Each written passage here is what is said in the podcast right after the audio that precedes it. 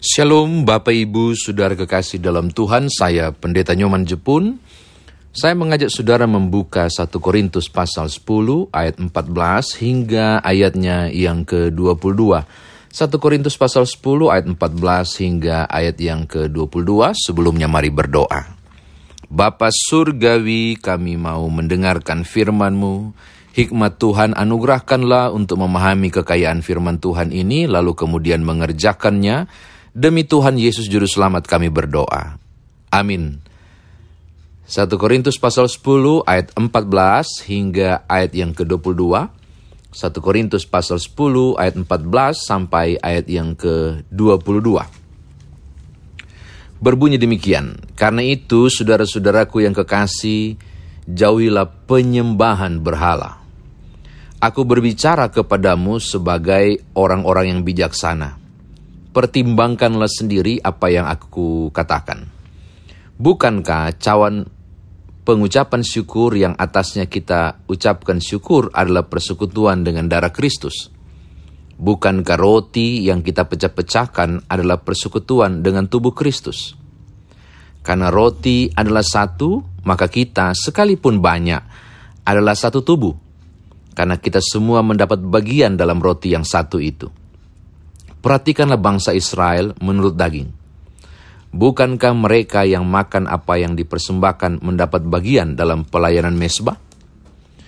Apa yang kumaksudkan dengan perkataan itu? Bahwa persembahan berhala adalah sesuatu? Atau bahwa berhala adalah sesuatu? Bukan.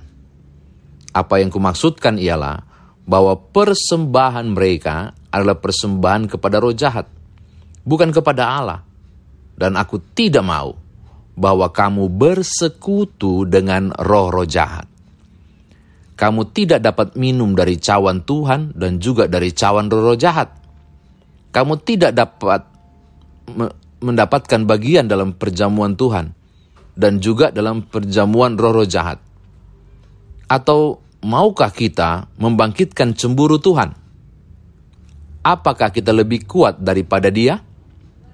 Demikian firman Tuhan, saudara saya dikatakan berbahagia jika mendengarkan firman Tuhan ini merenungkannya, memberitakannya, istimewa melakukan dalam kehidupan beriman kita. Bapak Ibu, saudara kekasih di dalam Tuhan, surat 1 Korintus secara khusus pasal 10 berbicara tentang penyembahan berhala. Jadi terjadi sinkritisme perpaduan antara agama dan budaya pada waktu itu dan berbagai kepercayaan di Korintus. Dan mereka dulunya adalah penyembah berhala, lalu menjadi seorang Kristen. Pertanyaannya, masih bisakah kami mengikuti upacara-upacara yang dilakukan oleh nenek moyang kami atau agama kami yang dulu yang menyembah berhala?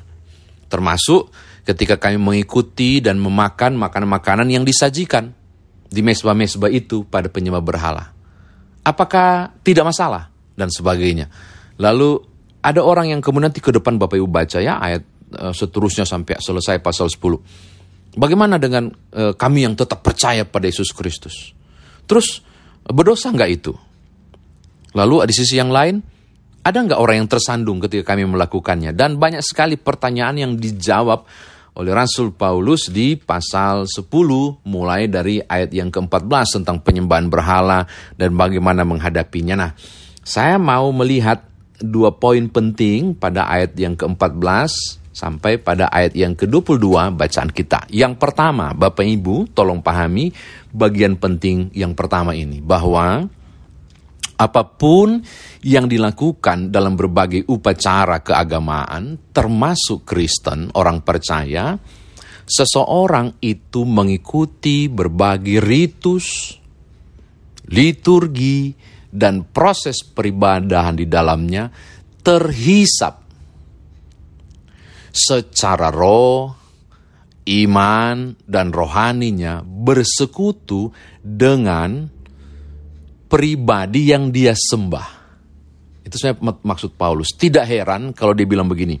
Pada saat perjamuan kudus, dia bilang begini. Cawan yang kita pakai mengucap syukur adalah persekutuan dengan darah Kristus. Coba lihat ayat yang ke-16. Dan roti yang dipecah-pecah ini persekutuan dengan tubuh Kristus. Tubuh Kristus lihat menjadi satu toh. Maka efeknya orang bukan saja menjadi satu dengan Kristus ketika meminum darah dan tubuhnya, tetapi juga menjadi satu dengan orang-orang yang ikut terlibat di dalamnya. Ini dua pengertian. Secara rohani ini, kedua, tapi juga secara iman. Jadi secara spiritual dan roh, orang itu menyatu dengan Kristus, karena yang dia minum adalah darah Kristus, simbol dari anggur, lalu kemudian tubuh Kristus, simbol roti. Itu bersekutu dengan Kristus. Menjadi satu dengan Kristus secara spiritual menjadi satu juga menjadi satu juga dengan orang-orang yang lain yang makan. Karena tubuh Kristus adalah satu yang terbagi-bagi dimakan dan diminum. Hal kedua mau bicara soal keimanan. Semakin orang terus terlibat dalam upacara keagamaan seperti itu, misalnya perjamuan kudus, semakin bertumbuh iman dan percayanya kepada Yesus Kristus semakin kuat persekutuan yang ada di dalamnya waktu itu. Oke, okay? mudah-mudahan saudara tangkap ya. Tiap saudara ikut perjamuan kudus itu membangun dua hal. Keikat terikatnya saudara dengan Kristus dan semakin bertumbuhnya iman saudara di dalam Kristus. Terikatnya saudara dalam satu persekutuan dengan anggota yang lain. Dan semakin kuat dan bertumbuh iman saudara bukan secara pribadi saja, tapi bersama-sama dengan orang lain. Tangkap ya? Oke, nah sekarang bagaimana dengan mereka yang makan persembahan di mesbah penyembahan berhala. Kan itu jadi soal waktu pertanyaan itu. Lihat ayat 18 bacaan kita. Paulus jelaskan, seperti Israel secara lahiriah, maksudnya bukan Israel baru, tapi Israel bangsa Israel, tiap orang yang mempersembahkan korban bakaran itu dia kudu dan wajib makan apa yang dipersembahkan. Itu ada di Imamat pasal 7 ayat 6. Itu jadi penjelasan di ayat 18 itu ada di Imamat pasal 7 ayat 6. Jadi ketika seorang mempersembahkan korban bakaran, sembelihan, apa pun, dia akan diberi diberi bagian dari hasil yang sudah dipersembahkan itu dan dia harus makan di tempat yang kudus. Dan itu dikategorikan sebagai pemberian maha kudus. Pemahaman ini mau dibawa juga pada kalau dihubungkan dengan tradisi-tradisi Korintus pada waktu itu. Siapa pun yang ikut upacara penyembahan berhala, dia akan disuguhi juga korban-korban di mesbah penyembahan berhala itu. Daging kah yang disajikan ke mesbah, kita bisa ambil dan seterusnya. Ambil. Masalah nggak itu? Masalah nggak itu? Apa jawab Paulus soal itu? Tolong lihat ayat 19, 20 sampai 22. Paulus mau bilang begini, ini bukan bicara soal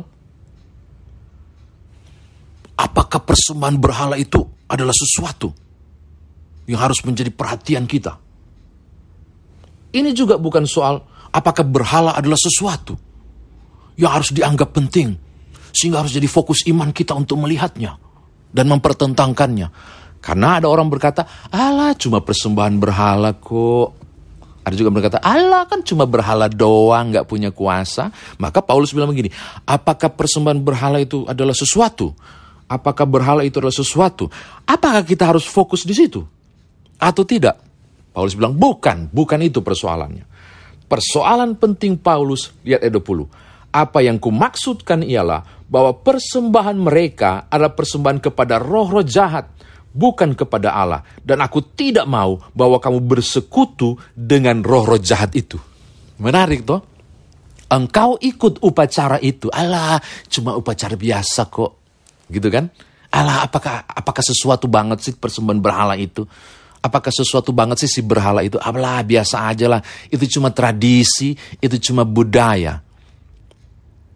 Paulus bilang begini, bukan. Persembahan berhala itu diberikan sebagai bentuk penyembahan kepada berhala.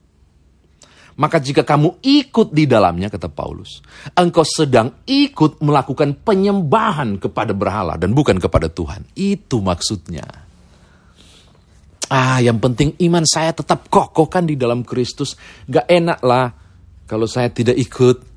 Ah, nanti apa kata dunia? Hati-hati, kata Paulus.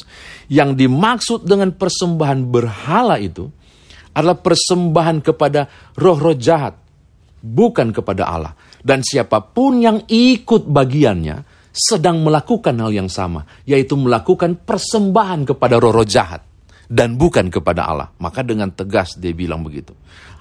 Kamu kamu bersekutu dengan roh-roh jahat. Aku tidak mau kamu bersekutu dengan roh-roh jahat. Oke? Okay? Alasan kedua kata Paulus. Sangat penting untuk menahan diri. Ayat 21 dan ayat 20 sampai 22. Bagaimana mungkin hari Minggu engkau minum cawan Tuhan dan bersekutu dengan tubuh Kristus dan darah Kristus lewat roti dan anggur? Pada hari berikutnya engkau menghadiri upacara penyembahan berhala dan engkau minum juga dari satu cawan tertentu yang ternyata persekutuan dengan roh, -roh jahat. Efek besarnya adalah engkau membuat persamaan antara perjamuan Tuhan dengan perjamuan roh-roh jahat. Engkau membuat Tuhan cemburu. Ayat 22. Sepele? Enggak. Oh cuma tradisi? Oh enggak. Paulus dengan tegas mengatakan itu. Bahwa berhati-hati. Ini bukan cuma soal, bukan sesuatu atau sesuatu. Ada kuasa atau tidak ada kuasa. Ah, cuma budaya atau tidak budaya? Bukan. Bagi Paulus pemaknaannya lebih dalam. Keterlibatan seseorang pada upacara-upacara penyembahan berhala. Itu setara dengan dia terikat secara rohani. Di situ. Dan jadi persekutuan dengan roh jahat. Itu maksud Paulus kepada Korintus. Saya kira demikian firman Tuhan ditafsirkan bagi kita. Nah sekarang bagaimana kita bawa dalam kehidupan beriman kita zaman sekarang kayaknya hampir sulit ya mau cari tahu kasus Korintus itu dengan dunia modern saat ini. Bapak Ibu saya mau katakan saya tidak menolak budaya, tidak. Saya tidak pernah menolak tradisi, tidak. Saya tidak pernah menolak apa pun yang sudah berada, ada bersama Bapak Ibu dalam kehidupan nenek moyang kita dengan tatanan yang diatur dalam berbagai adat, ragam budaya dan apa pun yang saat ini saudara masing-masing sedang jalani. Hanya penekanan Paulus sangat penting. Berhati-hatilah. Jangan sampai sadar atau tidak dalam tradisi-tradisi budaya itu saudara dan saya telah terlibat sadar atau tidak ya bersekutu dengan roh-roh jahat. Selama hal-hal itu tidak bertentangan dengan firman Tuhan, silakan. Tetapi jika dalam tradisi dan budaya adat istiadat hikmat Tuhan Tuhan taruh padamu dan engkau merasa tidak nyaman untuk itu dan seakan sedang mempersekutukan Tuhan dengan kuasa yang lain, ah hati-hati. Saya sangat menganjurkan. Ini bukan cuma soal apakah berhala adalah sesuatu atau tidak. Ah itu cuma sekedar budaya atau bukan. Bagi Paulus itu setara dengan bersekutu dengan kuasa yang lain dan membuat Tuhan cemburu. Ini penting ya Bapak Ibu. Penting penekanan. Apa pun. Alasan gak enak lebih baik gak enak pada Tuhan daripada gak enak pada sesama. Berani katakan tidak. Untuk hal-hal dalam hal budaya adat istiadat yang bertentangan dengan kebenaran firman. Ini hal yang pertama. Hal yang kedua Bapak Ibu. Sepele. Jangankan bicara soal tradisi dan budaya. Hal-hal yang lain misalnya Kebenaran beberapa pelayanan terakhir ini juga melakukan pelayanan-pelayanan khusus secara uh, supran, uh, pelayanan khusus uh, okultisme dan beberapa hal dilakukan. Saya diizinkan Tuhan untuk itu beberapa waktu yang lalu dan terkejut Bapak Ibu masih banyak ternyata orang yang menganggap sepele. Nda, itu cuma dikasih opa kok for pegang-pegang, for jaga-jaga. Dan seakan tidak merasa bahwa dia sedang melakukan persinahan rohani, yaitu di samping Tuhan, dia mengandalkan kuasa yang lain. Nyanda ini bukan apa-apa pendeta, ini cuma dititip dari tapi opak supaya kalau pi merantau aman. Saudara sedang bersekutu dengan roh-roh jahat. Di saat yang sama, saudara juga sedang menyembah Allah. Dan engkau membuat Tuhan cemburu. Dan kalau saudara buka keluaran pasal 20 dari keturunan ketiga sampai keturunan keempat, tampias. Mereka yang melakukan persinahan rohani. Yang menduakan Tuhan. Wah gitu. Aku tegas mau sampaikan sesuai teks ini. Hati-hati Bapak Ibu. Sepele. Sepele bagi saudara. Seperti kalimat bahwa persembahan berhala adalah sesuatu atau bahwa berhala adalah sesuatu bahasanya ah cuma itu kok cuma ini kok. Oh enggak. Itu punya efek besar. Engkau sedang mendukakan Allah. Menduakan persinahan rohani. Engkau sedang menjadikan kekuatan yang lain sebagai Tuhan yang baru dalam diri saudara. Oh Bapak Ibu hati-hati. Berani katakan tidak pada hal-hal yang berbau-bau seperti itu Stop Joe, andalkan Tuhan, tanggalkan semua. Lepaskan, bakar kalau perlu. Supaya saudara murni hanya berharap kepada Tuhan. Jangan menduakan Tuhan di dalam hidup saudara. Agar Tuhan tidak cemburu. Karena bagaimanapun kata Paulus, apakah kita lebih kuat daripada dia? Kita tidak mampu menanggung murka Allah. Tuhan berkati saudara. Haleluya. Amin.